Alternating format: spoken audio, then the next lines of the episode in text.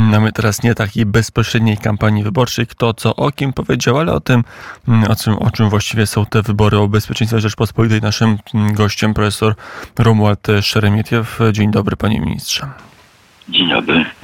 E, jesteśmy po kolejnym odcinku serialu Reset, a tam pokazane, e, pokazana umowa i podpisanie kulisy podpisania umowy między kontrwywiadem wojskowym a rosyjską FSB. Donald Tusk mówi nic nadzwyczajnego, podobna umowa była w roku 2008. Czy faktycznie ta umowa to nic specjalnego?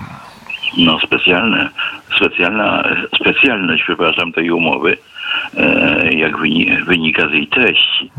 Mianowicie wynika tam, że e, służba kontrwywiadu wojskowego zobowiązuje się, że będzie informować FSB e, o, jeżeli jakichś o działaniach państw trzecich, które będą podejmować jakieś kroki, żeby zagrozić ustrojowi i władzom Federacji Rosyjskiej. E, co by oznaczało, że gdyby na terenie Polski pojawił się jakiś przeciwnik prezydenta Putina i zaczął to głośno mówić, no to należy po pierwsze nie tylko poinformować e, o tym Rosję, ale chyba nawet go tam wydać. Mm, e, więc, więc, więc to jest gruba bardzo sprawa. No i tutaj e, pan Tusk nie ma racji. To nie jest standardowa umowa, którą różnie podpisują bo takie współpracy, bo takie umowy są podpisywane współpracy oczywiście, no ale nie przypuszczam, żeby w jakimś państwie natowskim e, podpisano e, umowę, służby tajne podpisały taką umowę e, z państwem, które uważa, że NATO jest jego wrogiem. Tak się wtedy, takie taką umowę wtedy podpisano. Generał e, Nosek, o że pamiętam, generał Pytel, to była tych dwóch dżentelmenów, którzy się wtedy, wtedy, zarządzali SKW. O ile dobrze pamiętam, pana Noska to chyba nawet sam Tusk już nie wytrzymał i go zdymisjonował koniec końców. Tak, to, to były, powiedziałbym, jakieś takie gry, które się toczyły wtedy między e, chyba Tuskiem a Komorowskim E, może nawet nie Tuskiem, ale e, ministrem obrony Klichem, a Komorowskim, ponieważ e, Komorowski z racji tej, że kiedyś bywał w Ministerstwie Obrony Narodowej na różnych stanowiskach, uważał jako prezydent, że ma prawo decydować o tym, co się w Monie dzieje, a Klich chyba nie do końca słuchał się go. No i efektem tego była wojna, w rezultacie której właśnie uderzono wiceministra wówczas generała Skrzypczaka. No, a w odwecie e, i robił to właśnie Nosek, powiązany blisko z panem Komorowskim, a w efekcie e, Tusk zdenerwował i odwołał Noska. No i tam, tam to było takie zamieszanie, tak, e, w którym, tak powiem, pan Nosek się pojawił, ale generalnie generał Nosek jest taki generał jak Kozie i tak dalej, ponieważ to jest po prostu były funkcjonariusz cywilnych służb, który chyba właśnie z takiej cywilnej służby przeszedł e, do wojska, został przez Komorowskiego e, awansowany na generała Wojska Polskiego, no i dalej już tej kupa nieszczęścia. Mm, I dalej już było tylko mm, trudniej i, mm, i gorzej. Zastanawiam się, na ile jest tak, że wtedy Polska ma, mamy też kwestię małego ruchu granicznego, tak. na ile Polska no, była wystawiona w tym czasie na infiltrację ze strony e, rosyjskiej agentury. Absolutnie e, było to, że tak powiem, no, szalone ułatwienie, bo ten mały ruch graniczny, o którym też wtedy, którym się tak szczycił między innymi ówczesny minister spraw zagranicznych e, Sikorski, e, do, do, notabene e, minister obrony w rządzie PiSu, przecież nie tak dawno.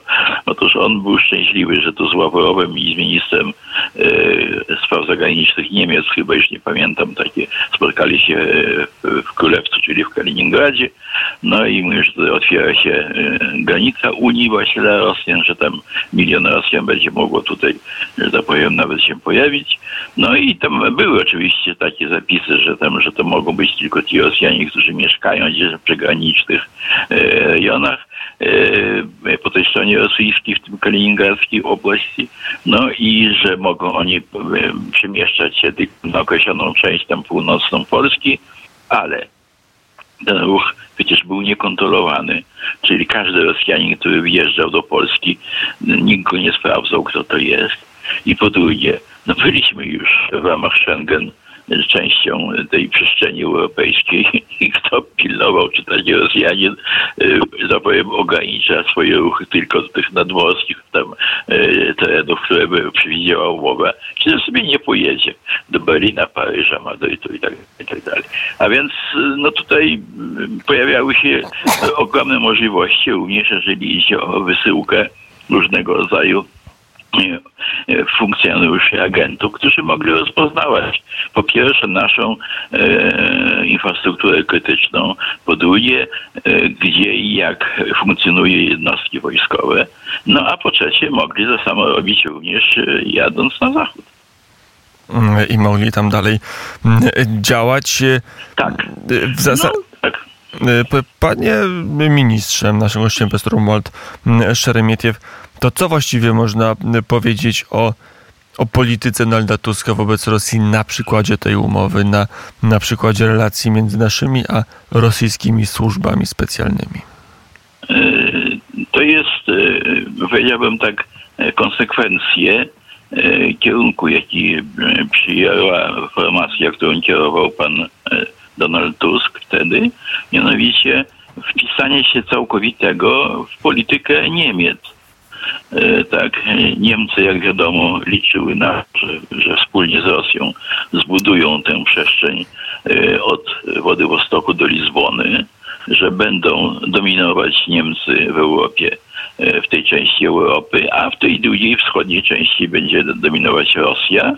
No i że do tego oczywiście e, tani gaz i ropa będą płynęły do, do Niemiec. Niemcy w związku z tym będą tutaj gospodarkę swoją umacniały, rozwijały. Tak, no a ponieważ Rusek e, potrzebuje technologii i różnych rzeczy, no to Niemcy będą jeszcze na tym zarabiały, wysyłając te technologie. No pamiętamy, Francja chciała takie zaawansowane okręty sprzedać desantowe, ofensywne bardzo. Tak, jeden z admirałów rosyjskich powiedział, że gdyby oni takie okręty, tak zwane Mistrale, mieli ze dwa, to Gruzję zajęliby w ciągu pół godziny.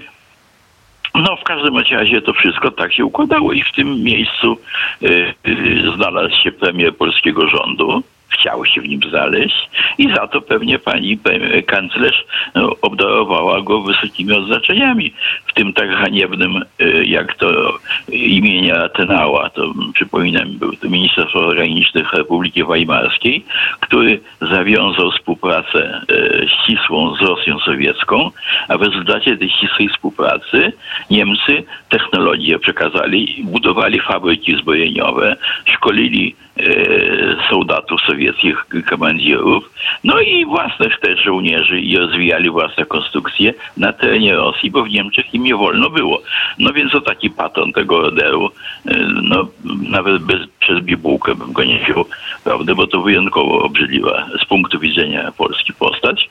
No i właśnie czymś takim obdarowano pana e, Tuska, więc no razem to wszystko składa się, powiedziałbym, w piękną całość paskudną całość, przepraszam, cofam, co powiedział. Piękna ona nie jest. Mm, chyba, że w cudzy mm, słowie. To Panie profesorze, mamy e, temat resetu mniej więcej e, omówiony. Teraz Donald mhm. Tusk mówi, że jest antyrosyjski i będzie z Rosją e, walczył. Pan mu mhm. wierzy? No, zawsze o tym, kto kim jest, mówią jego czyny jakie czyny są, no to ja nie widziałem, żeby. Ja, chyba nawet e, e, pan przewodniczący e, nawet do Kijowa się nie wybrał w czasie tej wojny. Tak, zdaje że nie był tam. Nie, nie był. No, więc to tak powiedziałbym ten te opowieści o tym, że znaczy no dzisiaj jest sytuacja taka w związku z tym, co Rosja robi na Ukrainie, że E, europejskiemu politykowi, a do takich zalicza się przecież e, pan e, przewodniczący, nie wypada być prorosyjskim. Tak? No to musi być odpowiednia koniunktura, znaczy musi być pokój na Ukrainie i e, wrócą znowu tak zwane dobre, stare czasy, no i wtedy już nie trzeba będzie być antyrosyjskim, ale teraz po prostu tak należy. No taka jest e, taki modus operandi, powiedziałbym tak, w polityce europejskiej, nawet europejskiej, e, co niektórych chyba dziwi. E, to teraz przejdźmy jeszcze na sekundę do relacji polsko-ukraińskich dla polskich mediów, dla dziennika Rzeczpospolita. Wywiadu udzielił generał Ben Hodges, który podkreślił, że Joe Biden pełnił dwa błędy w tej polityce wobec Ukrainy. Po pierwsze, nie określił, jaki jest cel Ameryki w tej wojnie i przez to też nie może odpowiedniego wsparcia zakreślić. Mówi się, że teraz będzie kłopot z amerykańskim wsparciem. Mm, to jest tak, że Ukraina jest coraz w, w coraz gorszej sytuacji pod względem finansowym i militarnym i że e, pomoc Zachodu będzie się wyczerpywać i, i ta wojna będzie e, no, na, w złym obrocie się, w złym kierunku się obracać? Znaczy tak, no ja myślę, że prezydent Zełański zdał sobie sprawę, e, że tak to wygląda. No i po prostu Ukraina jest niszczona.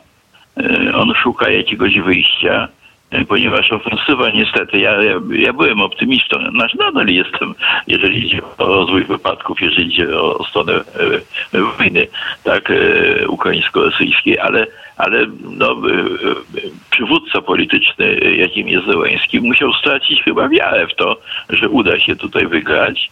No, Ukraina jest nadal niszczona.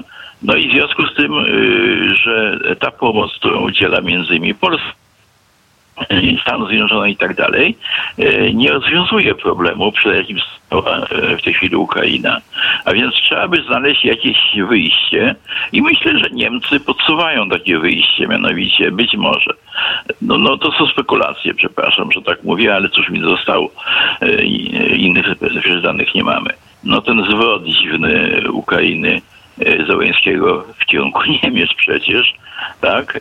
No i wiadomo, że można po pierwsze, no Niemcy będą strasznie ważne, jeżeli idzie o budowę Ukrainy, ale e, Niemcy jeszcze mają inną rzecz, mianowicie mogą być pośrednikiem, żeby wynegocjować z Rosją e, jakieś rozwiązanie kompromisowe.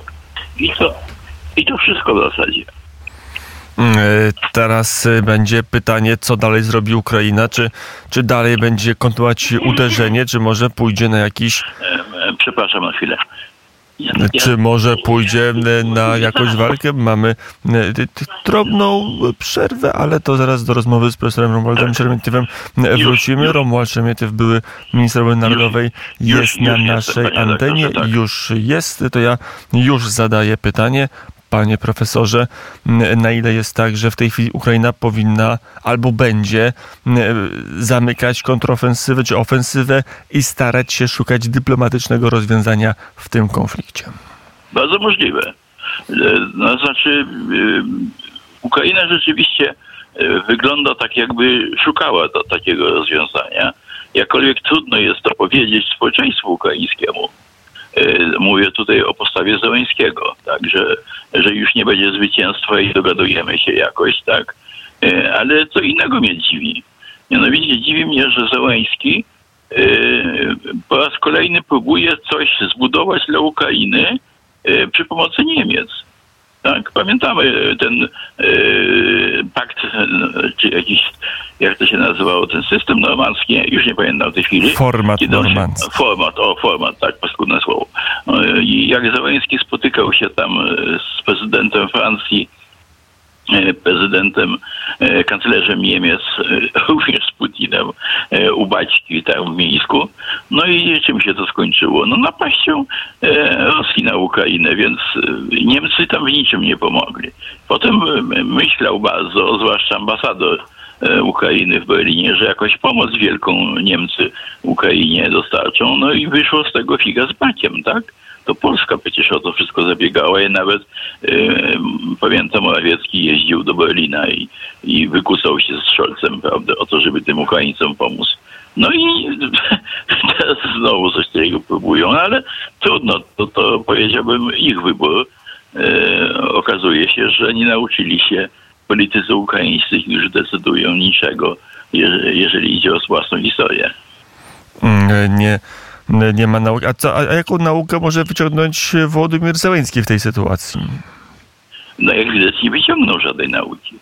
Nauka, e, którą powinien wyciągnąć, to jest taka, że ma dwóch partnerów. Polskę i Ukrainę. E, Polskę i. Niemcy. E, Jeżeli, jeżeli Niemcy będą miały do wyboru pomagać Ukrainie czy współpracować z Rosją, co wybiorą? Rosję. Jeżeli Polska będzie miała do wyboru pomagać Ukrainie czy współpracować z Rosją, co wybierze? Ukrainę. Więc no, chociażby z takiego prostego równania e, widać, że, że tutaj powiedziałbym e, niemądrze wybi- wybiera prezydent. Nie dziwię się bardzo. I nie dziwię się, że, że e, polskie władze, zwłaszcza prezydent Duda, no nie ukrywają, że są rozczarowani. To, to, to haniebne zachowanie w gruncie rzeczy e, prezydenta e, Ukrainy e, i tych polityków z Kijowa. I o tym mówił profesor Molt Szeremieciew, były minister obrony narodowej, profesor nauk o wojskowości. Dziękuję bardzo. Panie Dziękuję profesorze, do usłyszenia.